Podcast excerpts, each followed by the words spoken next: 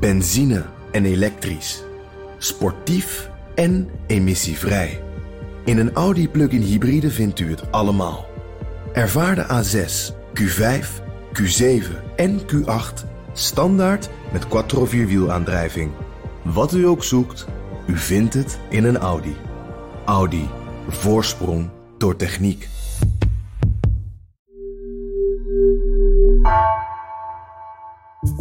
Vanaf de redactie van NRC het verhaal van vandaag. Mijn naam is Egbert Kalsen.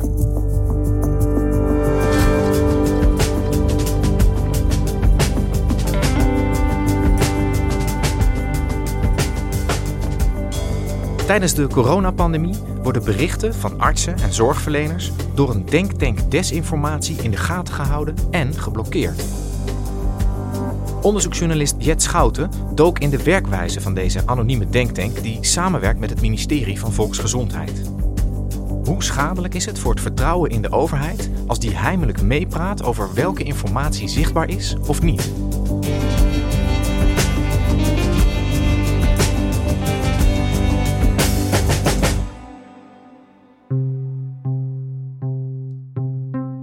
Huisarts Henk de Vos is een huisarts in Zuid-Beierland. Al 40 jaar huisarts. En die zit in de zomer van 2021 met een dilemma. In de coronaperiode was natuurlijk al uh, een tijdje gaande dat uh, alle volwassenen ingeënt moesten worden. Op een bepaald punt uh, kwam er ook toestemming voor 12 tot 17-jarigen, dat die ook moesten worden ingeënt. Ik had daar mijn bedenkingen bij. Ik ben toen echt de literatuur ingedoken. Al die stukken door zitten pluizen, die hebben geleid tot toelating. En uh, ik kwam toen tot de conclusie dat er eigenlijk geen aanleiding was om jongeren te vaccineren. Dus hij heeft daar zijn bedenkingen bij en hij besluit om het volgende te doen. Hij stuurt een mail naar alle ouders van kinderen uit zijn praktijk.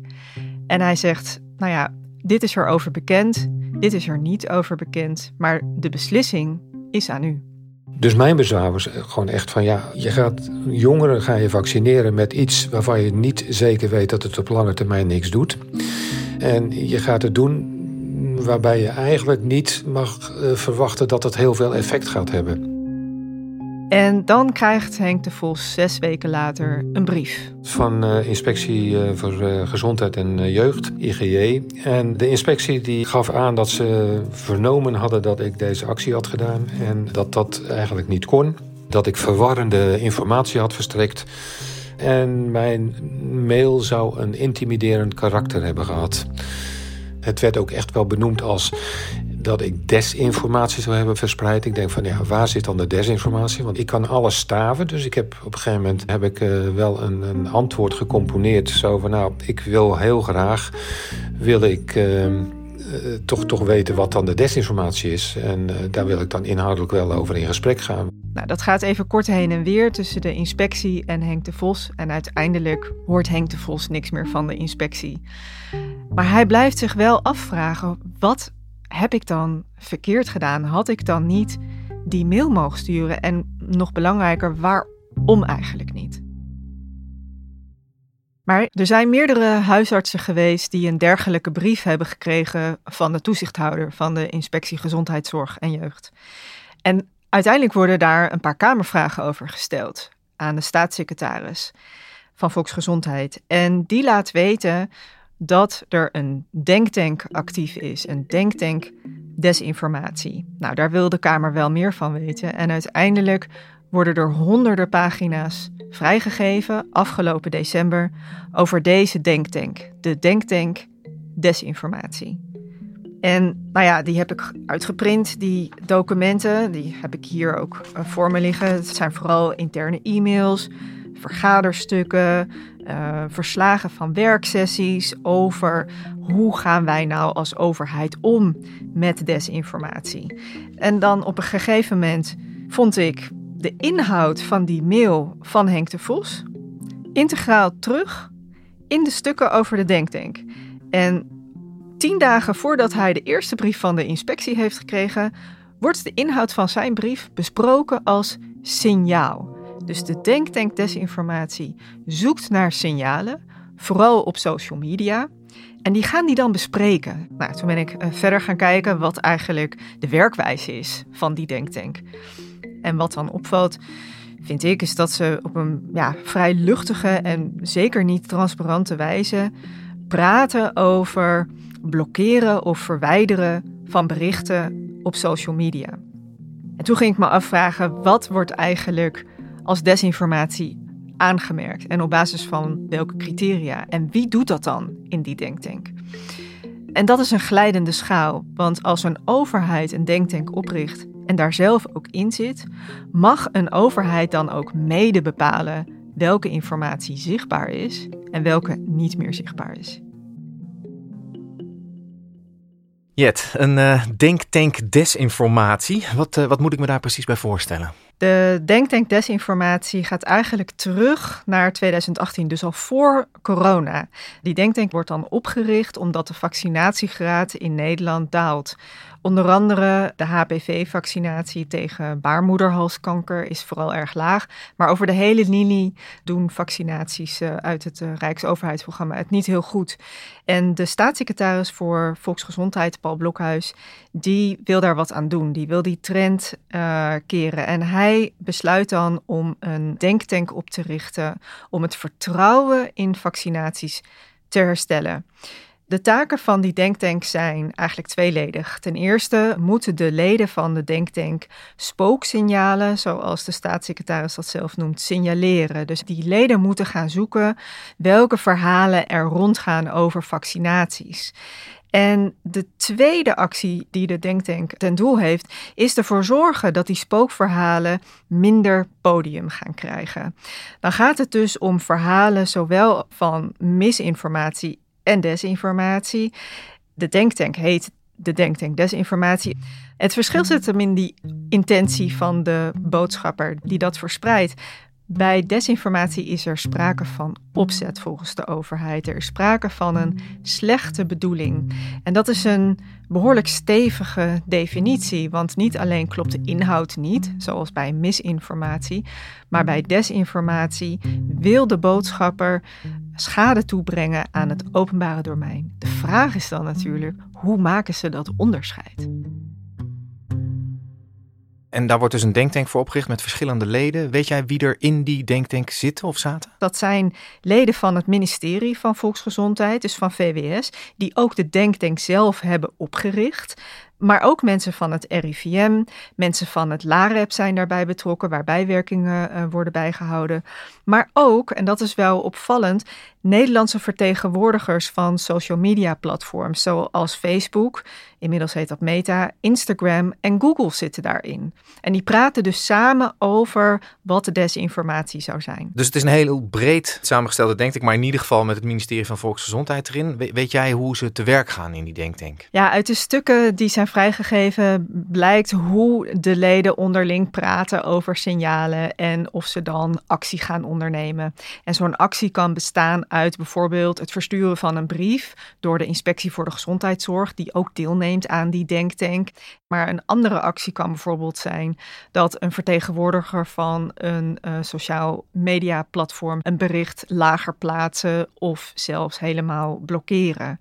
Welke acties precies gedaan zijn. Helaas is die lijst nou niet openbaar gemaakt. Dus we weten dat ze daarover praten. We weten dat het ook gebeurt. Maar op precies welke voorbeelden ze dat dan gedaan hebben, helaas is die lijst niet openbaar gemaakt. Hij is er wel, maar is niet openbaar. En, en ben jij daar even los van de concrete acties dan achtergekomen hoe bijvoorbeeld een Facebook of een Twitter dan te werk gaan? Hoe doen zij dat? Het remmen van desinformatie? Ja, hoe ze daarover praten is als volgt. En dan zeggen ze bijvoorbeeld, nou, even zoeken, uh, de Facebook-vertegenwoordiger die ook in de denktank zit en hierover praat met het ministerie, zegt dan van nou, jullie kunnen mij berichten geven en die berichten die voed ik dan in het systeem van Facebook, waardoor berichten lager in de tijdlijn uh, verschijnen. En op deze manier kunnen we het checkmechanisme een beetje gaan helpen. En dan doet hij een aanbod aan de leden van de Denktank. Hij zegt: Wat ik jullie mag bieden, is dat jullie, dus de leden van de Denktank, mij maximaal vijf berichten per pagina of groep aandragen waarvan jullie zeggen deze informatie klopt niet of is desinformatie. En die kan ik dan voeden in het systeem met, quote, waarschijnlijk zeer snel resultaat. Dus dit is allemaal al aan de gang voor de coronapandemie. Dan is de denktank dus al bezig. Maar dan komt corona. En dan is de betrouwbaarheid van informatie en met name over vaccins ineens het onderwerp van een maatschappelijk debat. En dat verandert het werk van de denktank enorm. Ja, want, want iedereen was ineens bezig met, met vaccineren. Hè? Zeker in die begintijd van die pandemie. Was, nou, dat was het gesprek van de dag. En daar zit die denktank dan ineens middenin. Hoe heeft dat het werk van die denktank veranderd? Ja, je ziet dat de stroom aan signalen voor de denktank enorm toeneemt. Ja, het ministerie vraagt dan op een gegeven moment ook aan de leden van... is dit nog wel voor jullie te overzien? Want we merken dat er meer signalen komen en de toon wordt ook uh, veel agressiever. Het ministerie stelt dan voor om ook sterker en serieuzer te gaan inzetten op de bestrijding van deze informatie en van antivaxberichten, voordat het echt de vaccinatiegraad voor COVID gaat beïnvloeden. Maar ja, dat is ook wel lastig, want de stroom neemt toe en tegelijkertijd erkennen ze dat nog niet alle antwoorden voor COVID-19-vaccinaties er zijn. Dus de Denktank kijkt naar alle vaccinaties. Dat deden ze voor de pandemie ook al. Ja, en daar waren eh, meer antwoorden voorradig als het ging om andere type vaccinaties. Maar ja, dan komt het COVID-19-vaccin. Daar hebben ze nog niet alle antwoorden op. Dus, dus aan de ene kant wordt het speelveld, zou je kunnen zeggen, troebeler. Hè? Omdat we in het begin van zo'n pandemie zitten en er een heleboel onduidelijk is. En tegelijkertijd is er ook de wens om, om steviger op te treden vanuit die denktank op het gebied van desinformatie. Hoe kijkt het ministerie van Volksgezondheid daar nou tegenaan? Hoe zij dit gedaan hebben in die periode? Je hebt ze om een reactie gevraagd, neem ik aan? Ja, klopt. Ik heb ze een lijst met vragen gestuurd. En ja, wat het ministerie benadrukt, dat zij terughoudend zijn in het aanspreken van de leden van de denktank. En het belangrijkste is wat ze blijven herhalen, is dat de leden op eigen titel hebben gereageerd. Ja, dat is dan wel waar, maar ze hebben wel de leden gevraagd om te reageren. En ze hebben de denktank opgericht en ze plannen de bijeenkomsten en ze zitten de bijeenkomsten voor. Dus achter de schermen houden ze wel de touwtjes in handen. Maar zij zeggen dus zelf, wij zijn daar terughoudend in geweest. En ze zeggen ook, wij hebben de leden niet betaald. Of ze zeggen dat er vanuit het ministerie van VWS geen vergoeding of compensatie heeft plaatsgevonden voor deelname aan de denktank. Maar het ministerie is er, is er absoluut bij betrokken. Hè? Dat kunnen we denk ik wel vaststellen. Het, lijkt me ook ingewikkeld, omdat je al heel snel raakt aan uh, de vrijheid van meningsuiting. De denktank is zich daar bewust van. Dus zij zeggen, er bestaat een spanningsveld tussen de vrijheid van meningsuiting en het adresseren van desinformatie. Ja, en dan wordt er bijvoorbeeld gesproken over wanneer mag je nou eigenlijk een bericht blokkeren. En daar wordt een werksessie aan gewijd. En we weten niet precies wie er dan aan het woord is, want dat is weggelakt in de stukken. Maar dan staat er, ja, als er een bericht echt schade kan berokkenen aan de volksgezondheid, dan halen we het bericht helemaal weg van het platform. En ja, blokkeren is heftig, staat er dan, maar ja, verbergen kan echt prima wij zijn binnen NRC ons heel bewust van het feit dat als je een stuk aanpast achteraf, dat je daar dan ook verantwoording over moet afleggen. Hè? Dus als wij een correctie plaatsen op een stuk of iets weghalen, dan zetten we altijd onder dat stuk, er is hier iets veranderd en wel dit. Doet het ministerie dat ook? Is het werk van die denktank controleerbaar? Nee, dat is dus precies het, het, ingewikkelde punt. Maar wat er precies besproken is en welke signalen ze zich nou zo ontzettend druk over maakten, die lijst is bekend maar die is niet openbaar. En als het niet openbaar is, is het ook niet te controleren. Dus daarmee kun je ook niet controleren op basis waarvan die denktank acteert. Ja, en ook niet welke werkelijkheid zij dan niet in de openbaarheid wilden hebben. Klopt. Dus er zijn veel geluiden die dan niet meer in het, uh, ja, je zou kunnen zeggen, in het openbare debat terechtkomen. Dus zonder dat iemand het in de gaten heeft en zonder daar dus uh, in alle openheid over te communiceren als overheid, wordt er dus gestuurd in wat er wel en niet op sociale media te zien is. In het kader van de volksgezondheid in dit, in dit verband. Het is misschien een beetje open deur, maar hoe wenselijk is dit? Ja, dat is eigenlijk een vraag ja, waar je het met z'n allen over zou moeten hebben. Dat is een, uh, een maatschappelijke vraag. En ik denk dat je daar alleen maar goed over na kan denken als je alle informatie hebt. Het is ook een vraag die ik aan uh, hoogleraar gezondheidsrecht Martin Buizen heb gesteld. Het waarheidsgehalte van informatie uh, staat natuurlijk altijd ter discussie. Uh, informatie kun je alleen maar controleren op, op waarheid wanneer um, voldoende duidelijk is hoe uh, die informatie tot stand is gekomen. En, en over wat doorgaat voor waar en wat kennis is en wat niet kennis is. Dat is natuurlijk iets wat uh, in alle openheid bediscussieerd moet worden. Maar heel gemakkelijk um, informatie verstrekt door een ander die jou ongewelgevallig is, bestempelen als, als desinformatie. Dat is onmiddellijk het waarheidsgehalte ontkennen van de informatie die door de ander verstrekt wordt. En bovendien, je beticht hem ook van iets uh, kwaadaardigs. Het, het, disqualificeren van informatie, hoe vreemd en buitenissig die ook uh, mogen zijn, vind ik niet uh, betamelijk in een, in een democratie. Soms blijkt ook achteraf dat iets toch niet desinformatie was. En Voorbeeld hierbij is de Wuhan Lab-lek-theorie, dus de oorsprong van het coronavirus. Daar gingen vanaf het begin van de pandemie al veel berichten over op social media. Van nou ja, dat het uh, virus zou zijn uh, ja, ontsnapt uit een lab, wel of niet moedwillig. Heel veel berichten daarover werden aanvankelijk geblokkeerd door uh, sociale media platforms. Die stonden op een lijst van ja, een desinformatielijst toen ging de WHO, de Wereldgezondheidsorganisatie, daar serieus onderzoek naar doen. En ineens werden berichten weer nou, eventjes toegelaten. Dus ja, waar ligt die grens? En eigenlijk moet je dus per bericht dat gaan wegen wat je op dat moment aan kennis hebt. En dat is niet heel erg eenduidig. Dat is niet heel erg zwart-wit. Dus daar moet je ook een bepaalde ruimte voor twijfel in overlaten. Ja, het is denk ik uh, zeker vanuit ons vak als journalisten heel makkelijk om hier allerlei oordelen over te verzinnen. Over het blokkeren van, uh, van de werkelijkheid. Maar laten wij daar hier eventjes van wegblijven.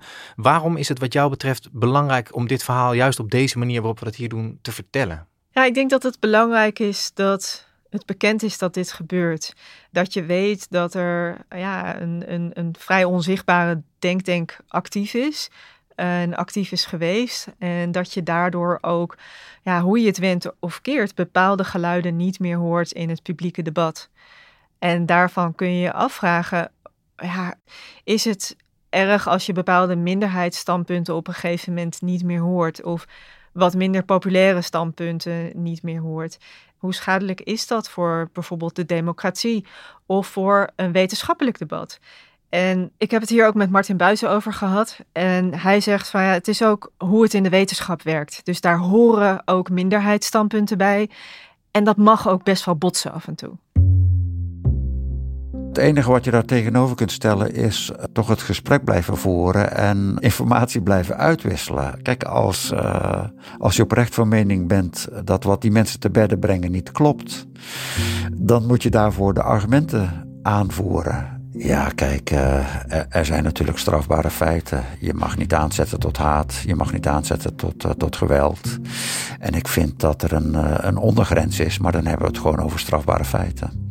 Het is toch altijd gewoon een, de samenleving een, een, ideeënmarkt. En uiteindelijk hoop je dat, dat de beste ideeën de, door iedereen op basis van de beste argumenten on, onderschreven kunnen worden.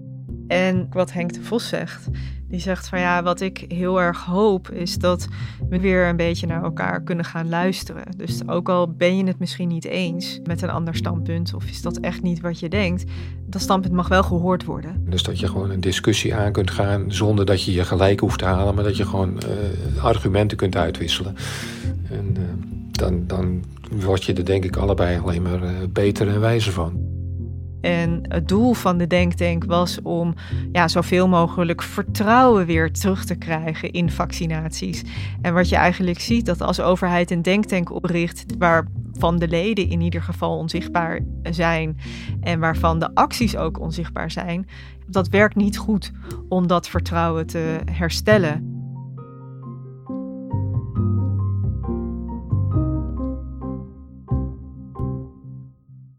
Dankjewel, Jet. Graag gedaan.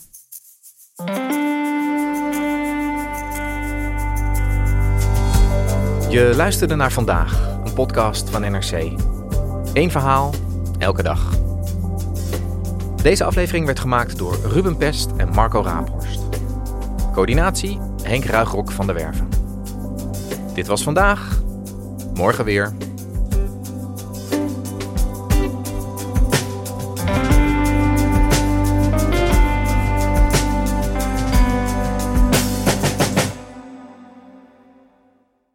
Je hebt aardig wat vermogen opgebouwd. En daar zit je dan, met je ton op de bank. Wel een beetje saai, hè?